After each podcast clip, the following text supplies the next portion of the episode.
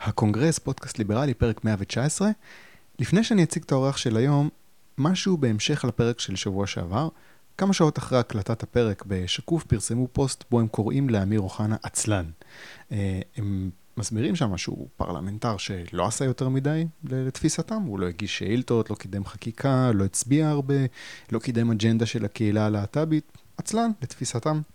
Uh, עשיתי שייר לפוסט הזה וכתבתי שחבל שהפוסט לא עלה לפני שהקלטתי את הראיון, כי הייתי מדבר על זה עם אסף, ואומר לו שחבר כנסת שלא מחקק חוקים, זה לא משהו רע, להפך, תביא לי עוד חברי כנסת עצלנים כאלה. Uh, אסף כתב משהו יפה בתגובות לשרשור הזה שפתחתי uh, בשיר הזה. Uh, הוא אמר משהו בסגנון, אוקיי, אז לבטל חוקים זה דבר טוב מבחינתך כליברל? יפה. אז כמה חוקים הוא פעל בשביל לבטל? אז אני מודה שקצת uh, נפל לי האסימון. אה, אולי הגיע הזמן שנתחיל למדוד את פעילות חברי הכנסת גם במדד הזה. כמה ואיזה חוקים אמיר אוחנה לצורך העניין פעל בשביל לבטל. אה, איפה זה עומד?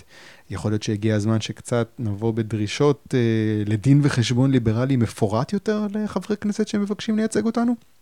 אולי זה יעשה גם להם טוב, זה ייתן תחושה שיש מי שהעשייה הזו חשובה לו, והוא יתוגמל בפריימריז בבוא הזמן. זהו, עכשיו לפרק עצמו, לראיון. והיום אני מדבר עם פלג דוידוביץ', אה, מנכ"ל פלטפורמת הסטארט-אפ אינבסטמנט להשקעות נדל"ן בשוק הגלובלי. אהלן פלג. אהלן יניב, אינבסטמארט. אינבסטמארט, אה, בוא תסביר לי שנייה מה זה החברה הזאת. כן, אה, זו פלטפורמת סטארט-אפ שעוסקת בהשקעות נדל"ן גלובליות. אנחנו בעצם מאפשרים כמעט לראשונה לעשות השקעות נדל"ן בקליק, לרכוש נכסים. משקיעים ליפני, מאפשרים למשקיע היפני בטוקיו לקנות נדל"ן בלונדון, למשקיע הלונדוני באנגליה לקנות אה, נדל"ן בטוקיו, יפן, אה, ולמעשה אנחנו עושים turnkey solution במובן של ממש שירות מקצה לקצה, שהמשקיע מקבל את כל המידע באתר, הוא עושה את פלואו הרכישה באתר, הוא לומד על הנכס, הוא בוחר את הנכס, ומהרגע הזה צוותים שלנו ב back office, אופרציה שלמה, בכל מקום שאנחנו פעילים בו, מנהלים את הנכס, מתפעלים את העסקה הזאת, גם משא ומתן, גם mm-hmm. רוכשים את הנכס, עושים על שמו, אה, משכירים את הנכס, תחזוקה. בסדר, הבנתי, פלג, בסדר. הבנתי, השקעות אה, בנדל"ן. אה, נתעסק בהרבה נושאים שקשורים בנדל"ן, אבל דבר ראשון שאני רוצה שנדבר עליו, זה שדה דוב, פרשת הפינוי של שדה דוב. למי שלא עוקב, תקציר, מדובר בשדה תעופה שאין לי מושג למה, אבל נבנה על קרקע פרטית. התושבים רוצים את הקרקע בחזרה, בית המשפט אמר למדינה, פנו את הקרקע, ובמשך הרבה זמן היה נדמה שזה הולך לקרות, שהולכים לפנות את הקרקע. אה, עד שהגענו לדקה ה-90, כמה חודשים לפני הפינוי, כמה שבועות לפני הפינוי, אה, ואז התחיל פסטיבל תקשורתי כזה של אוי ואבוי מה שיקרה לאילת אם יסגרו את אה, שדה התעופה. אני לא מזלזל כמובן, ייתכן ואילת, מה זה ייתכן? כנראה שאילת תספוג פגיעה מזה שאנשים ישקלו פעמיים אם לטוס לאילת אם כבר הם במילא בנתב"ג ויכולים לטוס למקום אחר, אבל זאת קרקע פרטית. אבל אנחנו גם לפני בחירות כנראה, ואף פוליטיקאי לא רוצה להיראות כמי שהולך לסגור את העיר אילת. אה, אז אומרים, בואו נסגור מסלול אחד ונפצה את התושבים ככה וככה. אני מודה שקצת אה, קפצתי מצד לצד בעניין הזה, אה, כי בכל זאת, מכה על הפרנסה של אנשים באילת. מצד שני, הלו, קרקע פרטית, תחזירו להם את הקרקע. מה, מה אתה אומר? מה, מה המחשבות שלך בעניין הזה של פינוי שדה דוב? לפנות, לא לפנות?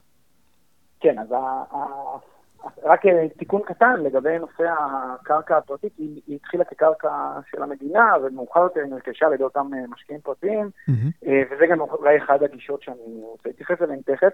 אבל אני, איך שאני מזהה את הסיפור הזה, יש לו שתי גישות מרכזיות. גישה אחת היא גישה, מה שמכונה הקניינית החזקה, אם תרצה. רגע, לפני, שנייה, לפני גישה הקניינית חזקה, אתה בספיקר? אתה ברמקול? לא. אני לא שומע אותך כל כך, אתה עם אוזנייה או משהו? אה, לא. Mm. אה, אתה רוצה שאני, בוא נראה, אולי תשמע אותי יותר טוב עכשיו. אה, אתה שומע יותר טוב ככה? במקרה? אני חושב שכן, טיפה יותר טוב, כן. אוקיי, בסדר, אז בוא תחזור רק לעניין הזה של שתי גישות. כן, אז הגישה אחת היא גישה שאפשר לקרוא לה הגישה הקניינית, כן? הגישה שאומרת בעצם שיש כאן קניין של, כן, משקיעים פרטיים, וכמשקיעים פרטיים צריך להגן על הקניין שלהם, קניין מאפשר למשקיע פרטי את כל הזכויות והשימושים, זה אה, גם אחת הדרישות שלהם, דמי שימוש לאותה תקופה שבה הם לא יכלו להשתמש בקרקע הזאת. עכשיו, אה, כעורך דין שמכיר את תחום הקניין, הנושא של, של, של קניין הוא מקבל הגנה מאוד חזקה במשפט הישראלי ובכלל, והזכויות הרכושיות צריכות לקבל משקל בכורה, לפחות זה קורה ברוב הגדול של המקרים, וכך צריך להיות המצב. שמח לשמוע. כן. יש עוד גישה שנייה שצריך לקחת בחשבון, והיא גם גישה ליברלית. תראה, גם בהקשר לגישה הראשונה, כגישה ליברלית וששוחרת שוק חופשי, אנחנו צריכים להאמין שללא קניין חזק, ללא הגנה משפטית חזקה, הגנה על אכיפת חוזים וכולי, אין טעם לדבר על צמיחה, כי צמיחה תלויה בכך שאנשים יכולים להסתמך על הקניין שיש להם. אז זו הגישה האחת, באמת הגישה שמתאבדת בבעלי הקרקעות. אבל צריך להבין שיש כאן עוד גישה, וזו גישה שגם היא ליברלית. והיא נגזרת מ, כן, תקרא לזה עקרון התוחלת, או גישה שמסתכלת על האפיק שהם בחרו בו כאפיק השקעה לטווח הרחוק. עכשיו, אם מסתכלים אחורה, מבינים שבעצם יש כאן רכישת קרקעות שנעשתה למטרות השקעה אי שם בשנות ה-60 או בגלגולים מאוחרים שלה לאורך השנים. כשבן אדם קונה, בוא ניקח דוגמה, אם אתה קונה קרקע חקלאית, שהיא לא, כרגע ללא ייעוד למגורים, אתה תשלם עליה נניח חצי מיליון שקל. Mm-hmm. אחרי כמה שנים נעשה תהליך של שינוי ייעוד, המחיר קפץ למיליון שקל. איך זה קרה פתאום? מה, מישהו ויתר על 500 אלף שקל? אז ברור שלא. מה שקורה, כשמתקדמים בתהליך התכנון ומתחילים להגשיל את הקרקע ומכינים אותה למצב שהיא, אה, כן, עם, ה, עם הפוטנציאל התכנוני, עם הזכויות בנייה שלה, המחיר שלה עולה, וזה נובע מזה שכשקונים את הקרקע בזול, או כשקונים אותה במחיר מסוים, זה מגלם את כל הציפיות, כן, את תוחלת ההנאות והשימושים שאפשר להפיק מאותה קרקע. לכן okay. כאשר אותם קונים היסטוריים קנו את הקרקע, או בגלגולים שונים, מלכתחילה הייתה להם את הידיעה שקיימת סבירות מסוימת, כן, כל עוד לא, כל עוד לא בניתם, קיימת סבירות מסוימת שהעסקה הזאת לא תתממש. בדומה לבן אדם שקונה דירה חדשה מקבלן, והפרויקט נופל. אז אה, ישאלו, כן, למה, למה, אה, ישאלו איזה, איזה תסכול נורא שנפל, זה כמובן תסכול, אבל מהצד של מי שקונה את זה בפריסייל, בשלב מאוד מוקדם, אפילו לפעמים כשאין היתרים, מה שנקרא על הנייר, יש כאן איזושהי, אה, כן, מוכנות של אותו אחד, שהוא מבין שמה שהוא עושה בטווח הרחוק זה מנסה ליהנות מפוטנציאל שבח מסוים, או מאותה תוחלת שהפרויקט הזה יבשיל, והוא גם יישא פרי ויהנה מבחינה רווחית, כן, בשלב הרחוק יותר. אז אתה אומר להשאיר את השדה תעופה פתוח?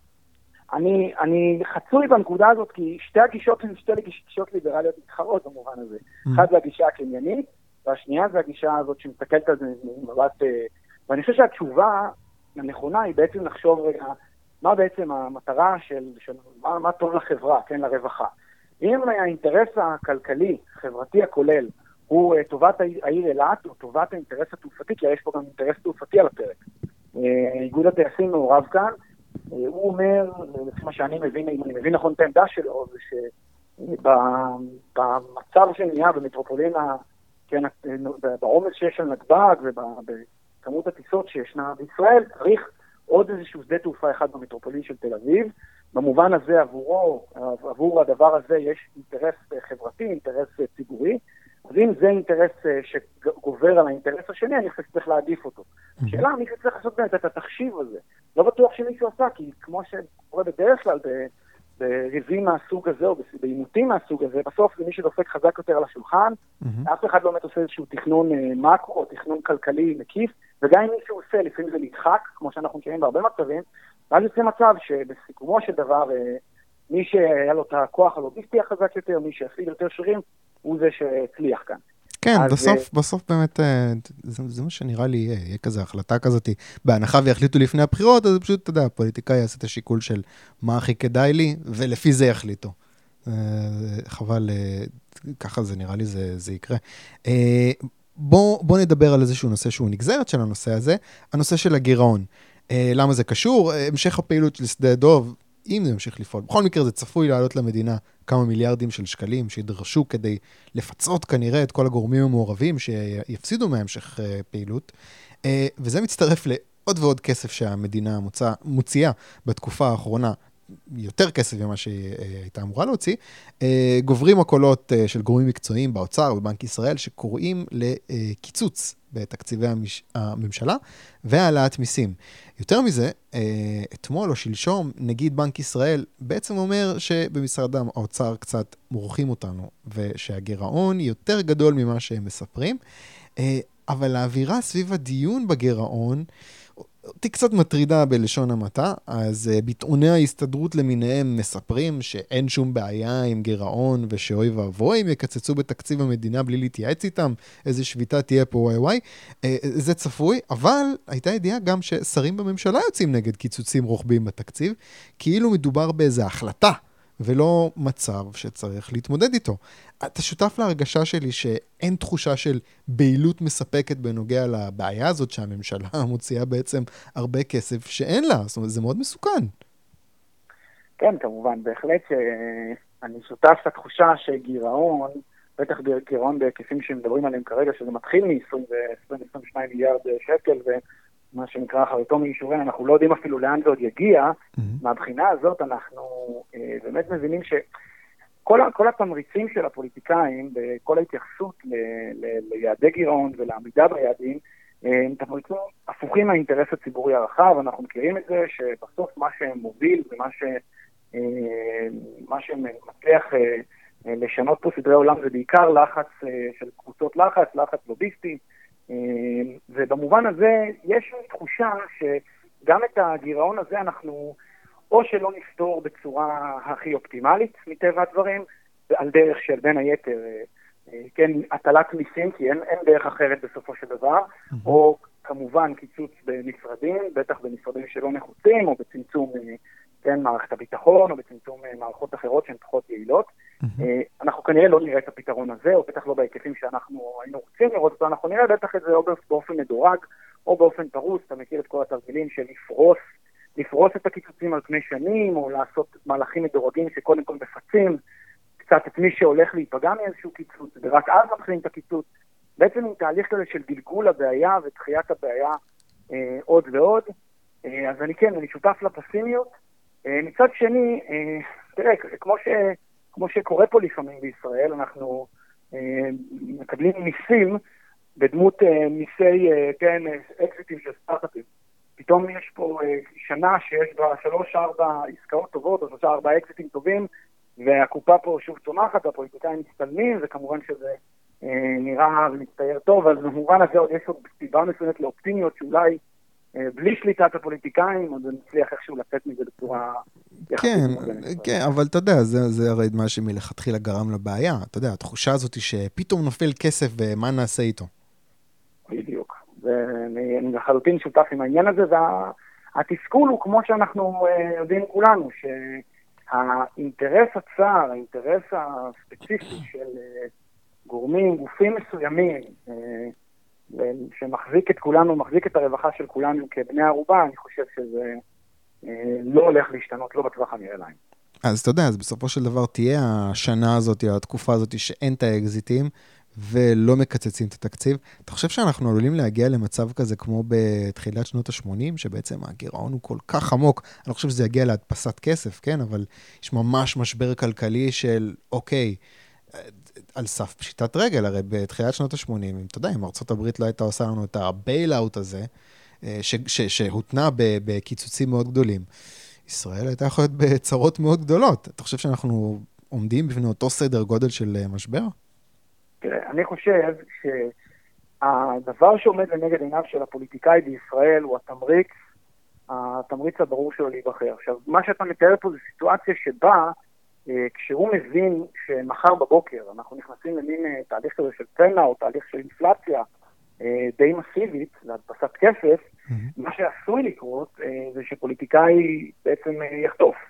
ואז כשהוא ישים את זה מול זה ויחליט, אוקיי, מה, מה הצעדים שאני צריך לעשות, אז הוא יבחר בדרך שבמקרה הזה גם תתאים עם הדבר הנכון מבחינה של רווחה כלכלית. הוא לא יעשה את זה בגלל שזה טוב לרווחה, הוא יעשה את זה בגלל שזה ממקסם את סיכוייו להיבחר, אבל במקרה הזה תהיה הלימה, לכן אני לא באמת מוטרד. זה לא, אני לא רואה את, את, את אף מנהיג כאן בישראל עם שאיפות אה, ארדואניות או שאיפות, אה, כן, דיקטטוריות פה, להחזיק את כולנו בני ערובה באמת. אני רואה את זה רק כתוצר לוואי של רצון להמשיך ולהיבחר, להמשיך להחזיק פה ב deep state ולהמשיך להחזיק בשליטה במערכות. זה בגדול, אה, לכן אני לא באמת, אני לא באמת מוטרד ברמה שמדירה שינה מעיניים. אני חושב ש... כמו הרבה דברים בחיים, אה, הכל זה מין אה, פרגמטיזם כזה שפוליטיקאי מפעיל, וכשנוח לו אז הוא בוחר X, ולמחרת הוא יבחר Y. אנחנו רואים את זה, אנחנו רואים את זה גם קח למשל את, את נתניהו, שהוא כשר אוצר אז הוא X וכראש ממשלה אז הוא Y, כן. וזה אותו בן אדם, ואני לא חושב שמשהו השתנה, אם כבר זה ההפך, בגישות הכלכליות שלו, בהבנה שלו של עולם הכלכלה. זה פרגמטיזם, אה, תקרא לקרוא לזה פרגמטיזם טכני אפילו.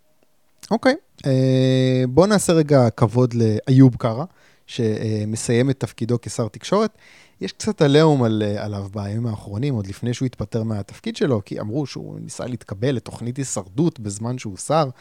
אה, אתה יודע משהו? לא מעניין אותי כל כך שכל המסביב הזה, כל הפיקנטריה הזאת, מעניין אותי הרקורד שלו, ומבחינת רקורד הוא עשה כמה דברים יפים.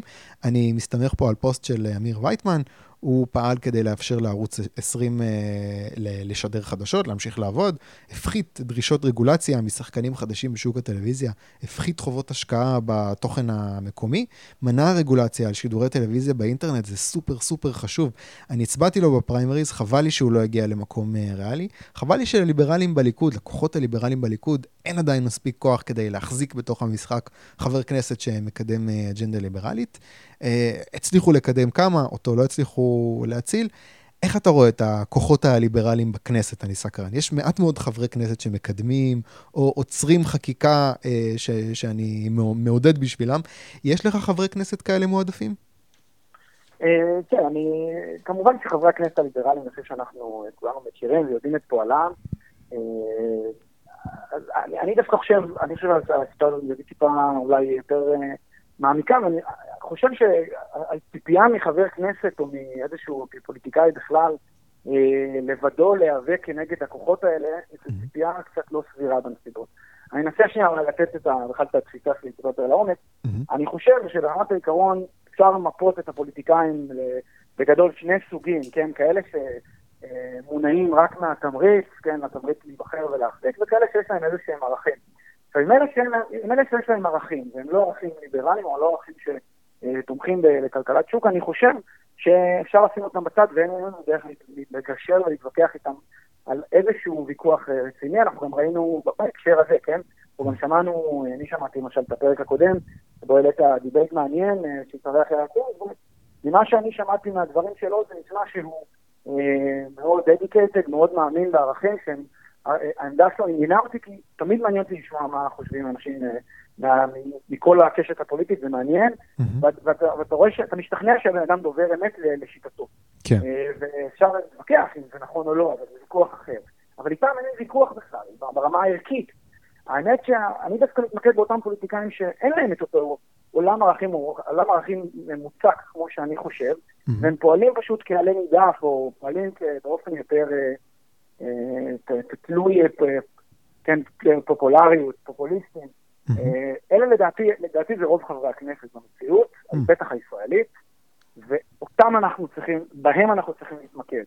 כשאני מתמקד, אני חושב שאנחנו צריכים לרכז את המאמץ ולהוביל לכך שמבחינת הפופולריות של המעשים שלהם, הם ילמדו על מעשים שאנחנו חושבים שנכון לעשות אותם. ובמובן הזה, אני כאילו, גם מה שנגיד אה, מפתיע אותי, בדרך כלל כשאני רואה דיבייטים או ויכוחים, ובדרך כלל אני רואה ויכוחים נגיד בין אה, תאים ליברליים, בין קבוצות ליברליים, ליברליות, בין אם זה הליברלים בליכוד, הליכודניקים החדשים, אה, כל מיני קבוצות אחרות, שלפעמים אני חושב שבמובן הזה, הדבר הנכון הוא לראות לנו ככוח אחד גדול, שמנסה להיאבק ביחד ולא להתווכח בוויכוחים פנימיים.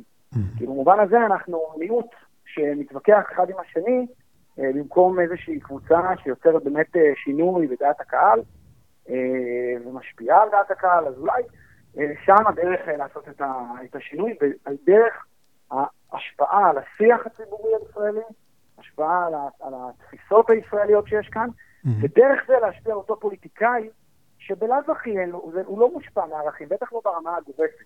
Mm-hmm. בלאו הכי הוא, הוא, הוא נתון להשפעה של אותם אה, לחצים ציבוריים, אם אנחנו נפעיל את הלחץ במקומות הנכונים ונרכז מאמץ, אז יכול להיות שנשפיע עליו בכיוון הנכון.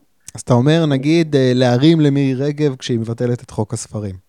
למשל, להרים לכל פוליטיקאי שהוא מקבל החלטה שאנחנו חושבים שהיא נכונה. ו- ולא, ומה זה חושבים שהיא נכונה? בואו ניקח רגע סרגל של אפשרויות. אז נניח אה, ליברלי, ליברל, אדם ליברלי יגיד אה, מס ושוד. אבל בן אדם שהוא רק קצת קפיטליסט ולא ליברל יגיד צריך להפחית מיסים לאופטימום, בסדר? הוא לא יגיד מס ושוד. אבל שנינו מסכימים, שני, שני הצדדים מסכימים שצריך להפחית מיסים מעבר לרמה שנמצאת כיום. אז בואו נתחיל בלהפחית מיסים. גם התחלנו להפחית מיסים, עכשיו השאלה איזו מידה של הפחתה, זה כבר ויכוח שנגיע אליו. אבל בואו נעשה את הצעד ששנינו כבר גם ככה מסכימים אליו, ולא נעשה, לא נתווכח בינינו. אחרי שנצמצם, כן, תאר לך שיגיע מצב שצמצמנו ועשינו שורה של פעולות שנכונות, לדעת שנינו, התקרבנו בסרגל לאחד הצדדים, ועכשיו אנחנו כבר מתחילים להתווכח על המידה כשיש לנו כוח גדול יותר, ואז בעצם גם הסרגל הופך פתאום לסרגל יותר רחב, הצד הזה של הסרגל כן מתרחב, ועכשיו יש ויכוח גם על המידה בפנים. יש לך אגב דוגמה, דוגמה אקטואלית לאיזשהו חבר כנסת כזה שעשה צעד כזה ולא קיבל מספיק אה, תשומת לב חיובית? אה, אני יכול לחשוב למשל על ויכוחים אה, שהיו בכל מה שקשור, אה, עכשיו אפילו בבחירות, mm-hmm. אה, כן גלעד אלפר, לא גלעד אלפר, כן זהות, לא זהות, כן לגליזציה של זה, לא לגליזציה של זה. לא, אין לי, אין לי ממש מקרה ספציפי, אבל אני כן רואה בפורומים השונים ובתגובות של אנשים... אתה אומר ש... זה בזבוז אנרגיה. כן, בזבוז אנרגיה. זה, זה, זה בזבוז אנרגיה וריבים פנימיים. Mm. עכשיו, תאר לך שאת כל הדבר הזה מתעלים החוצה. אומרים, טוב, אנחנו, אגב, יש לי, יש לי דוגמאות לא דווקא במקום הזה, אני שיחות עם, אה, נניח עם ליכודניקים חדשים, שנתפסים באיזשהו מובן אה, על ידי אחרים. כן, אתם, אה, אתם סנטורלים בליכוד, או כל מיני אנשים כאלה ואחרים ש... כן, אומרים עליהם את מה שאומרים. אני חושב שזו טעות מבחינת, מבחינת הזווית הכלכלית, לפתוח באיזשהו ויכוח פנימי בין מישהו איתך בצד הזה של הסרגל. שניכם מסכימים על, על ליקס, תובילו 1x, 1x בריבוע, אבל שניכם מסכימים לכיוון x, אז קדימה, תשלבו זרועות, לכו לכיוון ה-x, תגשימו את ה-x, דברו על x או x בריבוע. כן, אני מסכים איתך, אני מודה שמדי פעם אני אוהב אה, לעקוץ אותם. אני אוהב לעקוץ אותם כאילו הם פוליטיקאים, זאת אומרת, אני כאילו אה, עוקב אחרי הפוסטים שלהם, ואני אומר להם, חבר'ה, איפה אתם בדברים הכלכליים? זאת אומרת, למה אתם לא מדברים על גירעון, על דברים כאלה? רק אה, שומרים את התחמושת שלכם להתקפות כאלה של, אה, אוי, חבר כנסת איקס, זה עוד פעם הורס את הדמוקרטיה או משהו כזה. אתה יודע, לא, לא בא לי להגיד הם התחילו, אבל אתה יודע, צריך פה נכונות משני הצדדים לשיתופי פעולה כאלה. כן, בסוף אני חושב שהמטרות הן משותפות. אז, כן. uh, אז מישהו יצטרך, uh, אתה יודע, זה כמו שאומרים עכשיו uh, במחנה אחר, אומרים בואו תתאחדו ורק תחליפו את השלטון. אז רק תתאחדו. תשימו את האגו בצד, רק תתאחדו. יש איזה היגיון מסוים למי מי שחושב שזה המהלך הנכון. יש היגיון, כי זה, אתה, אתה יוצר איזושהי קואליציה חזקה בצד שלך, אחר כך תתווכח בפנים, תעשו את הוויכוחים, אבל קודם כל תשיגו את המטרה שאתם מנסים לקדש אותה. אני חושב שזה צריך לעבוד ככה גם מהצד, לפחות הכלכלי, אה, כי יותר מדי זמן, הצד הזה של המפה הכלכלית הוא במיעוט.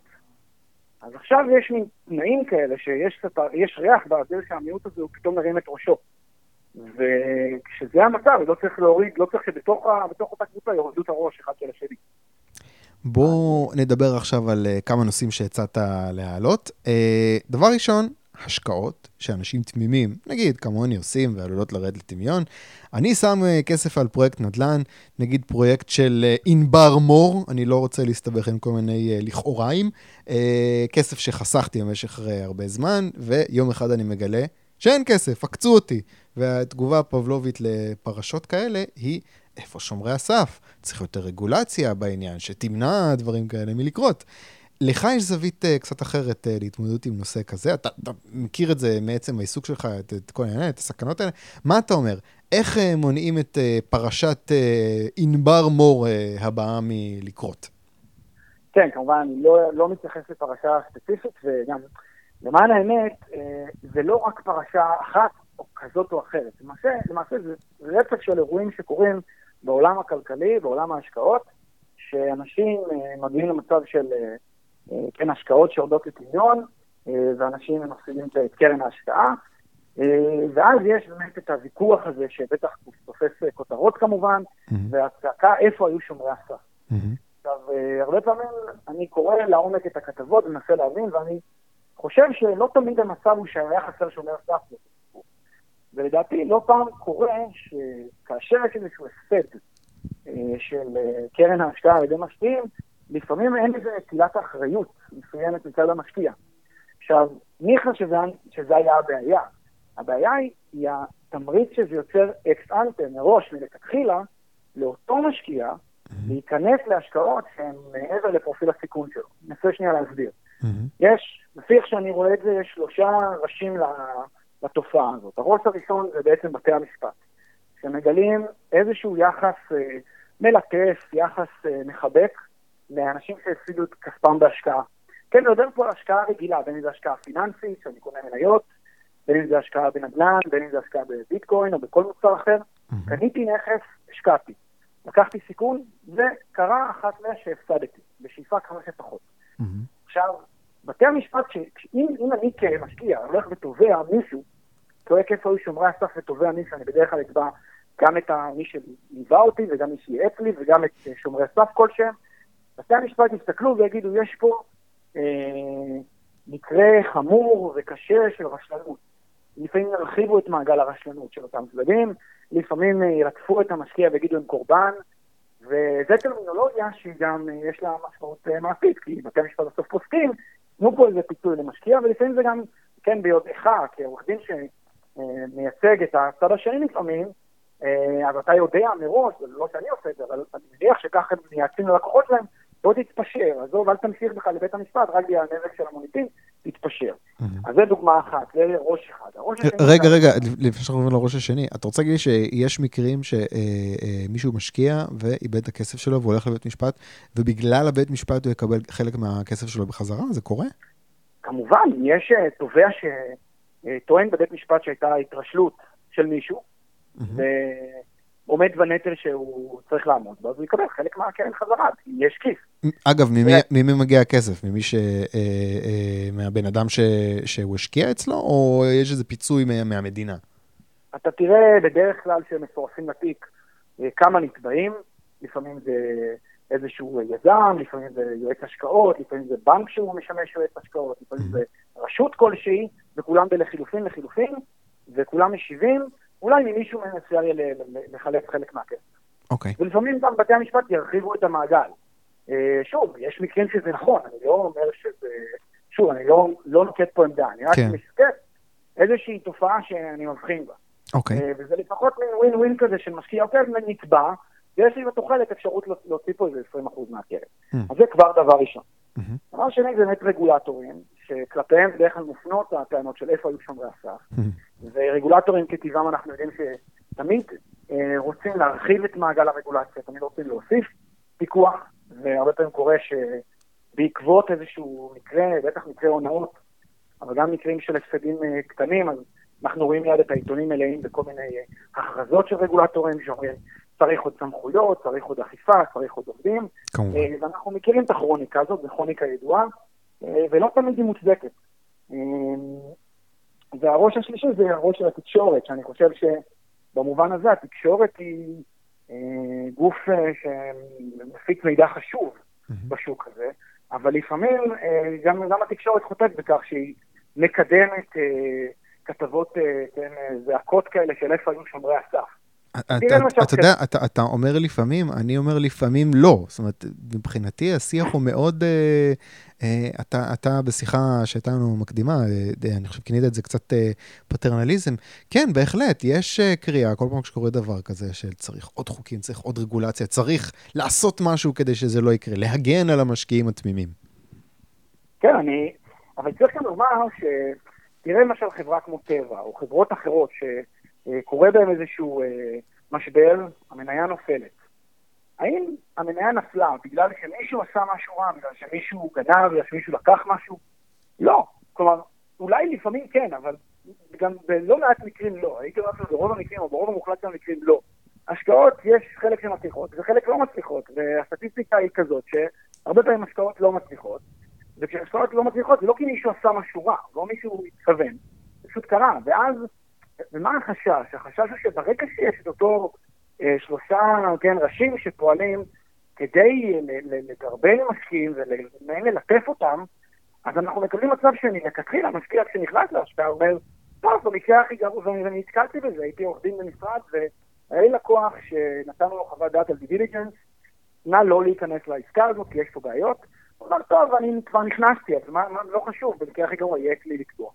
אז זה קורה, הדברים האלה קיימים, ואני חושב שזה תמריצים לא נכונים מבחינת, אה, מבחינת כן, רווחה של כולנו, לממן את, ה, את הדבר הזה לפעמים. כן, אבל, אבל כאילו, אתה אמרת בעצמך, אתה, אתה תובע, אבל אתה לא, אתה, אתה כן לוקח סיכון, כי גם אם תזכה, תקבל חלק מהכסף. זאת אומרת, זה, זה לא שיש פה ממש רשת אה, ביטחון אה, אמיתית להשקעה שלך. יש רשת ביטחון שהיא, אה, במובן הזה שאם היית לפי ההשקעה אמור לקבל אפס, וקיבלת 20 אחוז mm. מהמאה, mm-hmm. אז אתה לא, אז, אז, לא, אז, אז לא ספגת, לא הפנמת את זה. תחשוב לכתחילה. Mm-hmm. אתה עושה הרי מין מודל עסקי בראש, אתה אומר, יש לי סיכוי של 80 אה, אחוז שהמיזם מצליח ואני מקבל 100 אה, אחוז על הקרן, ו-20 אחוז שאני נכשל ומקבל אפס. Mm-hmm. וכל הקרן יורדת לטמיון. עכשיו אתה אומר, רגע, לא 20 אחוז שאני אקבל אפס, 20 אחוז שאני אקבל 20 אחוז מהקרן. הופה, זה שינה לך את המודל העסקי. כן. עכשיו, פתאום השקעה שאולי לכתחילה הייתה קצת מסוכנת מדי, פתאום עכשיו היא כבר אטרקטיבית, אתה תיכנס אליה, אבל אני לקחתי פה 80-20, תחשוב שהרבה אנשים רואים את זה יותר במובנים של 50-50. לפעמים, אה, או, או 50 אחוז שהקרן, שאני אקבל את הקרן חזרה ב-50 אחוז. בטח אם הם הולכים לכיסים עמוקים ומנסים אה, ככה לגרוף אה, בתביעה יותר רחבה. אתה יודע, אבל יש פה איזשהו משהו רחב יותר של... יש פה משהו כמעט תרבותי, זאת אומרת, אם אני מסתכל נגיד בארצות הברית, בארצות הברית, אם קורה דבר כזה ואתה משקיע כסף ואיבדת את הכסף, אין לך למי לבוא בטענות, בגלל ששם הגישה היא, אתה יודע, אה, אדם אחראי ל, ל, ל, למעשים שלו, אין איזה מישהו, אף אחד לא שומר עליך, הרווחת, הרווחת, הפסדת, הפסדת. איך משנים את זה באמת? זאת אומרת, זה שינוי מאוד אה, עמוק לעשות, זה לא מספיק אה, אה, להחליף כתב אחד פה במדורים כלכליים והעניין הזה ישתנה. זה ממש עניין תרבותי, הפטרנליזם הזה.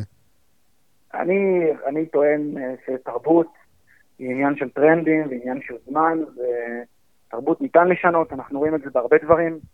אה, הרבה דברים שנתפסו לנו, כן, אה, אף אחד לא חלם לפני 10, 15 שנה שכל החיים שלו יהיו באינטרנט, והילדים והמשפחות, כולם יהיו באינטרנט וכולם יראו אותם, וכל דבר יתועד, והנה זה השתנה אה, בקהילת נטוורקינג גלובלית כזאת. ואף אחד לא, לא חשב שיזמין מכונות כביסה באינטרנט, ואנשים עושים את זה. אז אני חושב באותו אופן שהמציאות, או ההתפתחות, או רצף הדברים יכול להיות כזה שאנשים יפנימו, ובלבד שכן, השינוי הזה יחלחל בצורה מסודרת, גם דרך התקשורת, גם דרך רגולטורים, וגם גם דרך, כן, איזשהו אה, מאבק ציבורי שיגיד, טוב, זה, יש דברים שאנחנו לא צריכים לשלם, מי משלם את זה הרי בסוף? מי הרי אותו קרן גידור, אותו קרן ביטוח? זה, זה אתה ואני, אנחנו מממנים את זה, הרי אם יצבעו פה איזושהי רשות לחילופין כזה, והיא תשלם את זה, אז אתה ואני נשלם את זה.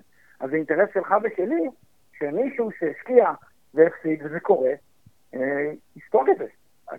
זה אינטרס שלנו, לא כי אנחנו רעים, זה כי, כי אם הוא ידע מלכתחילה שאנחנו לא מוכנים לזה, מלכתחילה הוא יהיה אולי יותר זהיר.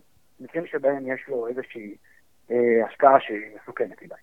הבנתי. אז אתה אומר מה שצריך לשנות זה קודם כל החלטות של אה, בתי משפט, שיפסיקו להגן על אנשים מהשקעות אה, גרועות שהם עושים?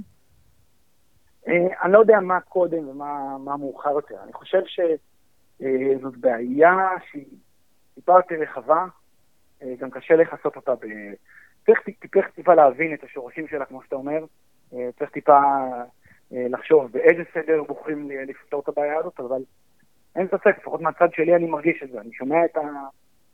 את הדיבור, את השיחה, את ההתנהלות, ואני, ואנחנו כולנו רואים, אנחנו פותחים את העיתון, פתח דה מרקר, פתח גלובס, מובטח לך אחד לשבוע, שבועיים, כתבה על איזושהי חברה, שעשתה ככה וככה ומשקיעים טובים אותה. עכשיו שוב, לא, אני, לא, אנחנו לא מכירים בזה ראש בכלל, יש הרבה מאוד נוכלויות והרבה מאוד רמאויות, בטח כשמדובר בגיוסים לכספים ולכל מיני פרויקטים מפוקפקים. זה קיים. אבל לא תמיד זה המצב, ובאותם מקרים שזה לא המצב, אז אנחנו עשויים למצוא את עצמנו עם... אה, כן, לממן את זה, לגדר את הביטוח לאנשים על ההחלטות שלהם. טוב, אתה יודע, הצד הראשון זה להודות uh, שיש בעיה, אני מסכים, יש פה בעיה. Uh, אנחנו נשארים בהשקעות ובבעיה אחרת שהצעת שנדבר עליה, וזו בעיה של חוסר מידע ש- של משקיעים. מידע שגורם להם לקחת סיכון ולהשקיע בדברים שהם לא תמיד מבינים כמה הם מסוכנים. הדוגמה הקלאסית היא ביטקוין. בוא תסביר לי את הבעיה פה ואיך פותרים את זה. תראה, בעולם הכלכלה אנחנו מכירים את בעיית האזור סלקשן. אה, הברירה השלילית. אה, איך? מה? adverse selection, זו בעצם תופעה שאומרת שבמצב שיש אסימטריה במידע, נניח בין מוכר לקונה, הדוגמה היא של שוק הלימונים, שיש קונה ומוכר ומישהו מהשניים, אה, בדרך כלל זה המוכר, יודע על הנכס, על הממכר, יותר מאשר הצד השני, אז לקונה הלא מיודע, הוא עושה מין תהליך הזה של מיצוע. הוא הרי לא יודע, הוא אומר, נניח, נניח אני מנסה למכור לך איזה מוצר, אתה לא יודע מה השווי שלו, ואתה מניח שזה איפשהו בין 50 אה, ל-100, אתה אומר, אוקיי, אני אהיה מוכן לשלם מקסימום 75. מה זה עושה למוכר שיש לו מוצר שבאמת שווה 100? הוא אומר, טוב, אם המקסימום שהקונה ישים לשלם ב-75, אני לא אמכור לו ב-75, אני אמכור מוכן רק ב-100 ומעלה. אני יוצא מהשוק. זה בעצם תופעה של ברירה שלי, שיוצאים מהשוק שחקנים שהם מעל האיכות הממוצעת. עכשיו, זה קורה קודם כשיש אדר סלקציה, כל פעם שיש אסימטריה במידע בין אה, קונה למוכר. ובשוק ההשקעות והפיננסים... רגע, רגע, בדוגמה שהבאת, אבל למוכר יש אינטרס שלקונה יהיה את המידע הזה. נכון, לשוק יש אינטרס, כי השוק חייב, כדי, באמת הפתרון הוא, כדי להתגבר על התופעה הזאת, צריך לתת, כן, להזרים מידע לשוק, להזרים אינפורמציה, לפתור את האסימטריה הזאת, כך שהקונה והמוכר יהיו באותה, באותה נקודה שמבחינת המודעות שלהם למחיר, ואז תהיה עסקה נכונה, עסקה יעילה. אוקיי, אבל לפעמים יש למוכר אינטרס להסתיר את המידע הזה, נגיד אם הסחורה שלו היא פחות מ-75 שווה. נכון, בהחלט. הבנתי, אוקיי. זה דוגמה לכשל שוק. אם למוכר יש אינטרס אה, להסתיר את המידע, אז אנחנו נקבע חוק שקוראים לו חוק החוזים, שאומר, הנה, יש לך עילת הטיה, גרמת למישהו נזק בעקבות הטיה, המידע שהסתרת, אז תפצה אותו. אז אה, יש את, או שהוא יכול לוותר ולדרוש פיצויים. אז אה, יש מנגנוני איזון, ששוב, חוק החוזים זה חוק שהוא מאוד טוב מבחינה ליברלית, כי הוא בעצם אומר, בוא נבטיח אה, מצב שפותר איזושהי אסימטריה מידע שהיא כשל שוק, אה, שיש למוכר יותר ידע מאשר הקונה. עכשיו, בעולם הפיננסים, הנדל"ן, ההשקעות, העולם שאני בא ממנו, זה מובהק עשרות מונים. תחשוב את המוצרים שאתה מכיר בעולם הפיננסי. דיברת קודם על הביטקוין. ביטקוין זה דוגמה, אה, כן, קטסטרופלית לחוסר חוסר ידע. אני, אני חושב, אני מהמר ש-90% אם לא יותר מהאנשים שהשקיעו בביטקוין, לא יודעים אפילו להסביר מעבר לשלוש שורות על המוצר, לא יודעים דבר עליו, לא על הסיכוי שלו, לא על המשמעויות שלו, לא על איך זה עובד. לא יודעים עליו כלום. כן, אבל עכשיו, הדוגמה הזאת של ביטקוין, אני לא בטוח שהיא טובה, כי עכשיו אנשים יודעים שמדובר במשהו מפוקפק, לא?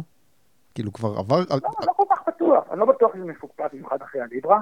אה, אני לא בטוח, אנחנו רואים שהשווי של הביטקוין קצת עולה בתקופה האחרונה. אוקיי. אה, אני לא בטוח אה, לא יודע, אני לא יודע מה הכוונה מפוקפק. תראה, mm. מוצר נקבע לפי שוק. אם השוק הסכים לקבל אותו כמטבע, mm-hmm. יש כאלה שיגידו שצריך שמדינות יקבלו אותו, שאפשר לזכור בו ברמה יותר שלטונית ושיקבלו במיסים. אני, אני דווקא הביטקוין פחות מעניין במובן הזה, כי הוא כאילו, זה, זה קל לתת אותו כדוגמה כקוריון. תן לי, תן, לי, תן לי עוד דוגמאות קונקרטיות באמת, ש, שלי חסר מידע, וזאת בעיה שצריך לפתור. ממש פשוט. קח אה, דירה, אתה קונה בשוק החופשי. אתה הולך לראות דירה, יש לך מוכר, והמוכר, אה, הוא מציג לך אותה מתווך, שהוא בעל אינטרס, יש לך מוכר שהוא בעל אינטרס, והם יכולים להסתיר ממך מידע. עכשיו, אה, תחשוב גם, תניח שהם גם נעלמים, כאילו אם אחרת הם נעלמים אתה לא יכול למצוא אותם, ותניח ש... ואם אתה לא רוצה להניח שהם נעלמים, אז רק תניח שלתבוע אחר כך ולחפש, זה 4-5 שנים בבתי המשפט, ולכן אתה לא רוצה... רגע, רגע, רגע, לפני שאנחנו מתקדמים, יש להסתיר מידע ויש להסתיר מידע. זאת אומרת, אם הם מסתירים נגיד אה, שיש עכשיו צינור שהתפוצץ בתוך הקיר והם יודעים על זה, וזה, וזה, וזה עוד אה, חודש, חודשיים הקיר יתנפח, אז זה כן, זה, זה אני רואה בזה כממש אה, רמאות. אבל נגיד אם הם יודעים שלא יודע, תוך שני, שנתיים... אה, אה, עומדים להרוס אה, בניין ליד ויהיה לא נוח, אז זה קצת יותר אפור, כאילו, אתה מבין, יש מידע ויש מידע, יש מידע שלא לספר אותו זה, זה ממש אה, עילה לתביעה, ויש מידע שלא לספר אותו זה, לא יודע. אתה עושה הבדלה כזאת, או ששני המקרים כן, זה... כן, בהחלט, אתה יכול להניח לשם הנוחות רק של הטענה, שהמידע הוא כזה שהוא באמת מהותי, אבל הוא לא מספיק מהותי כדי שתתבע. זאת אומרת, אה, אתה לא תלך לבית משפט על זה, לא יודע, יש לך נזק של 50 אלף שקל. Mm-hmm. אתה לא תלך כנראה לבית משפט, גם לא תביעות קטנות, mm-hmm. וגם לא בסכום. ואתה לא תתחיל עכשיו להליך משטרני, אתה תספוג את זה עכשיו. Okay. ואתה, גם אין לך דרך אחרת להיפרע. אבל קח דוגמה אחרת, קח מניות. אתה קונה מניות של חברה, או קח השקעה בנדל"ן, בחו"ל. אתה לא יודע אה, מספיק על, ה, על השוק, אתה לא יודע מספיק על, ה, על הנכס, אתה לא יודע מספיק על המניה, על התפקוד של החברה, אתה לא יודע מספיק על הדירה. Mm-hmm. ומה שקורה, אה, יש סיטואציה שבה אתה נמצא בנחיתות במידע, ביחס למוכר, ועכשיו אה, הדבר הזה נובע באמת מתהליך בתחום הספציפי הזה של השקעות בפיננסים, שמתמרץ יזמים אה, בתחום, או מוכרים בתחום של מוצרים, כן, למכור לך אשליות. Mm-hmm. מתמרץ אותם לחזק את האסימטריה במידע הזאת. אה, זה מתמרץ את היזמים ה... בואו נעשה שני דברים. אחד, זה מתמרץ את היזמים שנמצאים שם להמשיך ולמכור לך חלומות, ואת היזמים הטובים שכן רוצים למכור לך מוצר אמיתי, זה מחליש. באיזה מובן זה מחליש? תחשוב שאני עכשיו מנסה לשווק לך דירה. ומניח בשני פרויקטים חדשים. אחד הפרויקטים הוא פרויקט טוב, השני הוא פרויקט בינוני, אבל הפרויקט הבינוני הוא מצליח לשווק טוב.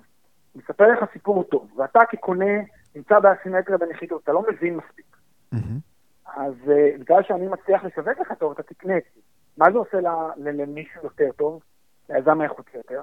מחליש אותו, הוא לא יצליח למכור. ואז יזם שיודע מראש שהוא לא יצליח למכור, שהוא יתקשה אם הוא דובק באמת, אז מה זה עושה לתמריץ שלו? עושה לתמריץ, אוקיי, אז אני לא אשחק במשחק הזה. עכשיו, בעולם ההשקעות, הפיננסים, נדל"ן, אלה עולמות שהם מטבעם הם כאלה, ככה זה פשוט מתנהל. וזה מתנהל ככה שנים. יש הרבה מאוד מקרים של אה, הונאות בתחום הזה, לא בכדי, זה, זה תחום שבגלל שיש בו את אותה אסימטריה, ואנשים מנצלים את זה.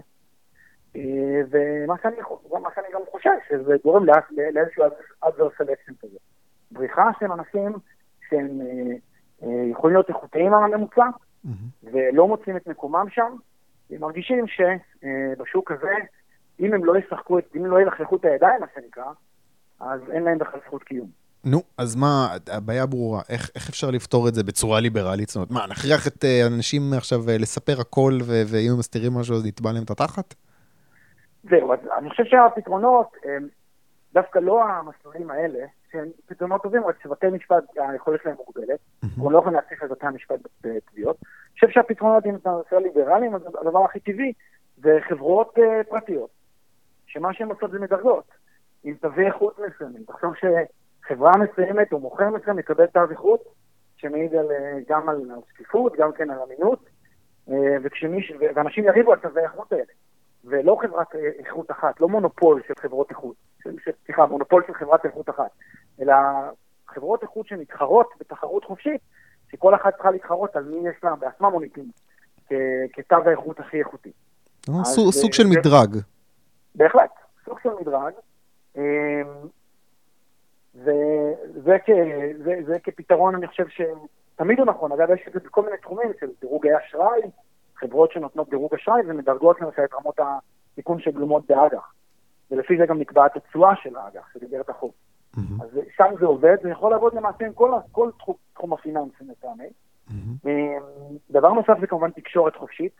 תקשורת חופשית שמייצרת שקיפות. יש דבר מאוד חשוב בתחום הזה, זה נושא של שקיפות, שאם אנחנו מדברים, כן, מהפכת, המהפכה הדיגיטלית, מהפכה הטכנולוגית, שים לב שהחברות היום דוגלות כולן בסטנדרט אחר של שקיפות, המידע in your face, כל, ה, כל המסמכים אונליין. תחשוב שהרבה מאוד פעמים אתה עושה השקעה, בין אם אתה קונה מניה ויש תשקיף, 300-400 עמודים מפורטים, מלאים בתוכן, אבל לא מצליחים לברור את המוץ מהטרן מרוב שיש הרבה מידע. תחשוב ש... וזה עוד בשוק שהוא יחסית מתפקד עם תשקיפים. בהרבה מאוד אפיקי השקעה אין לך גם את זה.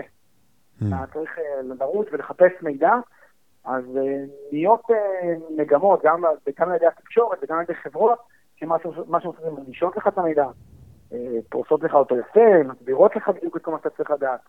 אתה יודע, אה, אבל. אני, אני כאילו אה, אה, ליברל יבוא ויסתכל על זה ויגיד, רגע, אתה, מה שאתה מציע נשמע הגיוני, אבל אם הייתה לזה התכנות, זאת אומרת, אם, אם היה פה איזשהו מודל כלכלי, הזדמנות לעשות כסף, אז מישהו כבר היה עושה את זה, אז מה, מה חסר כדי שזה יקרה? אתה יודע, חברה לא כזאת חסר, שמדרגת. יש תעשיות שזה מה שהן עושות, והן אוקיי. מתחילות אה. אה, המהפכות האלה קורו גם לפני כמה שנים, אנשים אמרו, איך זה שעוד אין אפשרות לדבר עם אנשים בחו"ל בקלות, וליצור אה, מערכות נטוורקינג גלובליות. ואז באו ויצרו רשת חברתית. זה לוקח זמן באינטרנט, לוקח אנשים, תראה גם, אל תשכח, דור המשקיעים, דור הפיננסיירים, דור האנשים שמתעסקים בשווקים האלה, הוא דור אחד קצת אה, קדימה, ש... או אחורה לצורך העניין, שמבחינתו טכנולוגיה זה עדיין זר. תשאל היום אנשים שהם אה, בכירים בשווקי ההון, אה, לשים אה, שקיפות באינטרנט, הם לא יבינו למה אתה מתכוון בהרבה מקרים. אה, אז הדור הזה הצעיר דווקא, עם, החשיבה הטכנולוגית והבנת ההיתכנות של השקיפות באינטרנט, אני חושב שכבר עובד שם, ויש תעשיות ענקיות, כמו הפרופטק בעולם הנדל"ן, property technology זה פיינטק או fintech, financial technology בתחום הפיננסי, שזה מה שהם עושים, מפתחים בין היתר פלטפורמות להנגשת מידע, להגברת השקיפות. אני מניח שהדבר הזה פיציצוץ, ואנחנו כולנו נהנה מזה, כמו שאנחנו נהנים מהרבה דברים. בוא רגע תוריד לי את זה לקרקע. עשר שנים מעכשיו אני קונה דירה. אה, יהיה לי איזשהו פתרון שיאפשר לי לדעת יותר על הדירה הזאת? אני משוכנע באלף אחוז שבתוך עשר שנים כבר כן, אני חושב שאפילו הרבה פחות. אה, מה שקורה בעולם זה תהליך אדיר של צמיחת חברות פרופטק, שמה שהן עושות, הן בעצם פורטות את כל הנכסים בעולם, ונותנות לך יותר מידע עליו, על כל נכס, ואתה יכול בעצם אה, להבין מצבי שוק, ונתונים אה, כלכליים, ומקרו ומיקרו. אתה בעצם נותן ניתוח top down כזה של השווקים, אה, וכל דירה, תחשוב, כן, כדוגמה שאני אוהב להשתמש בה, שאתה אה, מגיע לאיזשהו, אה, אתה לא צריך לצאת מהבית, אתה יושב באינטרנט עם כוס קפה, ואתה עושה טיול עם רובוט בתוך דירה שאתה רוצה לקנות, והרובוט הזה יש לו גם אפילו ראייה טרמית, הוא רואה דרך קירות אם יש נזילות, והוא יכול להזיז דברים ולהרים דברים. תחשוב כמה זה מרענן, אתה, אתה לא אה, תלוי במתווך אה, בעל עניין, שיסכים אה, כן, להראות לך יחד עם 30 זוגות אחרים את, ה, את הדירה. אתה עושה את זה בזמנך הפנוי בכל שעה ביום, והרובוט הזה גם שומע אם יש תנועה בלילה. קיצור, תחשוב כמה זה מרענן, והדבר הזה כבר יש אנשים שעובדים עליו. כן, וואי, נשמע, ש- נשמע, כן, נשמע טוב. מין ש- כזה הדבר גוגל, Google Street View משוכלל יותר, אבל, שגם נכנס לתוך הדירה. אה, Google Street View הרבה הרבה יותר משוכלל, Hmm. אה, וזה רק כיוון אחד שכמובן עובדים עליו, אבל תחשוב שלשם זה הולך, זה, זה הכוונה. תשמע, זה מגוחך, 2019, אתה רואה תמונות של אנשים שעומדים אה, באבן גזורה מחוץ טירה, ואתה רואה טור של איזה 30 איש, כן. מטורף. כן, טוב, בוא נחזור רגע באמת אה, קצת, אה, קצת אחורה בטכנולוגיה. אה, בוא נדבר שנייה על נדל"ן. אתה טוען שבגלל רגולציות על השוק הזה, מהפכות טכנולוגיות לא מחלחלות לתחום הזה. תסביר לי רגע מה הכוונה. מה, מה זאת אומרת? אין אימייל במינהל מקרקעי ישראל? לזה אתה מתכוון? אה, תראה, אנחנו יודעים, אנחנו רואים את זה בעיתון כל בוקר, כמה רגולציה יש על שוק כמו שוק הנדל"ן, ושוק הפיננסים, שוק הבנקאות, זה אה, שווקים עתירי רגולציה, שכל אה, מהלך טכנולוגי ומהלך אה, של לנסות לשפר אותם יכול להתקל בהתנגדות קשה. קודם כל צריך להתקל בזה שמישהו יסכים לך לשמוע, אתה מכיר? זה שאפילו אין לאף אחד זמן אפילו לשמוע על מה אתה רוצה לדבר. אחר כך, אחרי שאתה כבר מצליח להגיע לתשומת הלב שלו, אז זה עוד אחד מתוך כמה דברים שעל סדר יומו, והוא לא מגיע לזה אף פעם. זה, זה אחת הבעיות שלנו, שכשאין את האינטרס, אין את האינטרס הכלכלי, הרכושי של, של מישהו, של פוליטיקאי, והוא אה, מונח שם מכל מיני דברים אחרים שיש לו לראש, אז הקצב של הדברים הוא יותר איטי. רגע, אני, אני מזהה פה חבילה שיש בה שני דברים. זאת אומרת, מצד אחד יש אה, רגולציה, זה דבר אחד, מצד שני יש ועד שפשוט, אתה יודע, אנחנו עובדים עם פקסים, ואתה לא עכשיו תכניס לנו איזה מערכת חדשה בלי לשלם לנו הרבה הרבה כסף כדי שנקלוט אותה.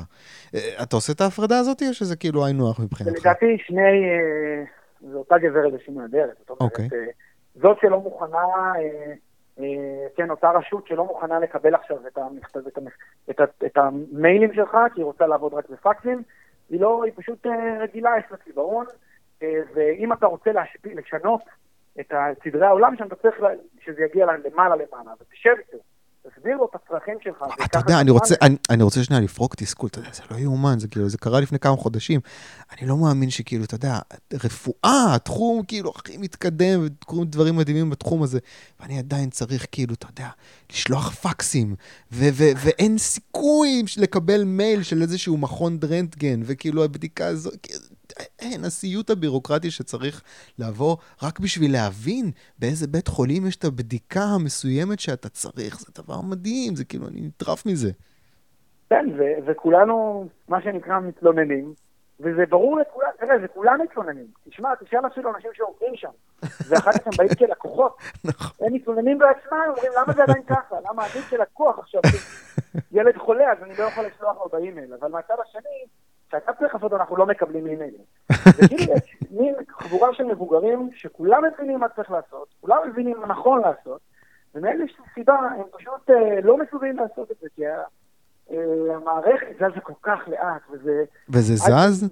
מגלגלים את זה, ועד שזה זז... וזה זז? במיוחד, וזה זז, אבל אה, תראה, קודם כל צריך להפריד בין שני עולמות. אה, עולם אחד זה העולם דיגיטל, עולם האינטרנט, שמה אה, שלא יעשה הרגולטור, הוא לא יספיק לעמוד אפילו בקצב של מה שקורה, וכמו שציינתי קודם את התעשיות של הפרופטק והפינטק, הן עובדות על דברים מהסוג הזה, כדי שיהיה לך הכל אה, דיגיטלי. קח דוגמא את הנושא של אה, בנקאות דיגיטלית, אה, העברות כספים דיגיטליות, כל הנושא של מטבעות. מה זה, מה זה מטבעות? זה, זה רגולציה אחרת לגמרי, זה, זה עוקף רגולציה ברמות אחרות, כי זה, כל הרעיון של זה, mm-hmm. זה בעצם מערכת תשלומים שמנותקת לי מכל שורת ההגנות וכל שורת ה...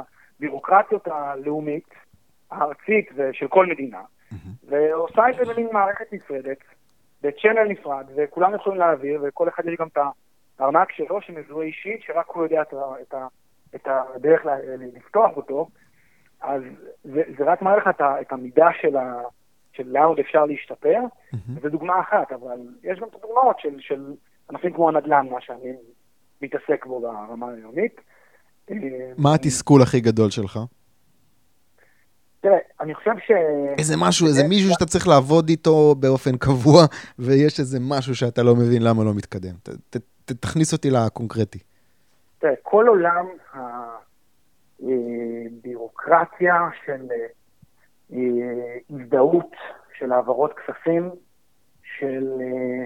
אתן לך דוגמה, צריך להעביר כספים. עכשיו, יש פה גם סיבות טובות. ברקע. אני לא, לא, לא, לא צריך רק לבוא בטענות כל הזמן.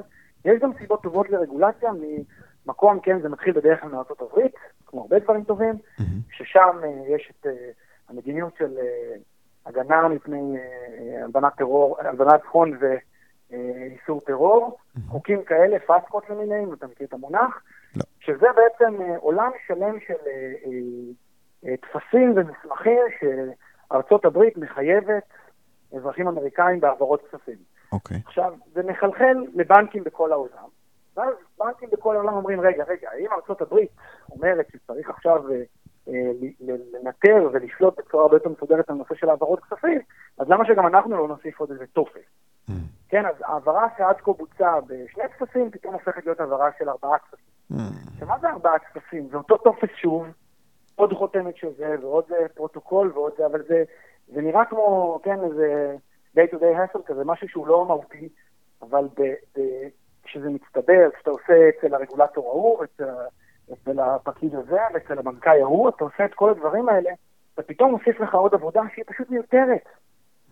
דבר לא השתנה בעולם, במהות, כן? דבר לא השתנה. אה, להפך, אה, חבורה של צעירים עובדת עכשיו בכל מיני דרכים הרבה יותר חכמות להעביר כסף, הרבה יותר בטוחות להעביר כסף, ואנחנו דווקא הולכים אחורה. Mm.